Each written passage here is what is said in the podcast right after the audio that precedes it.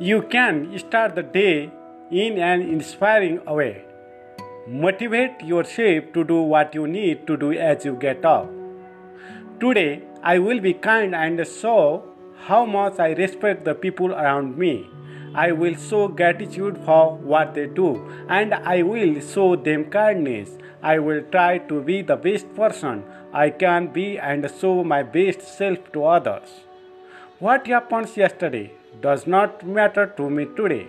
Today is a new day, and I will treat it as a fresh start.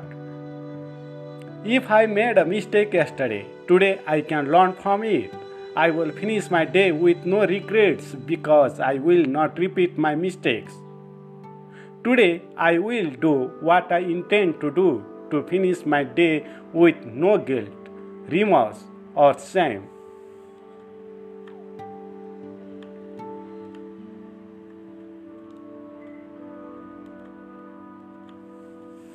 Today, I will avoid the mistake of doing something I will regret tomorrow.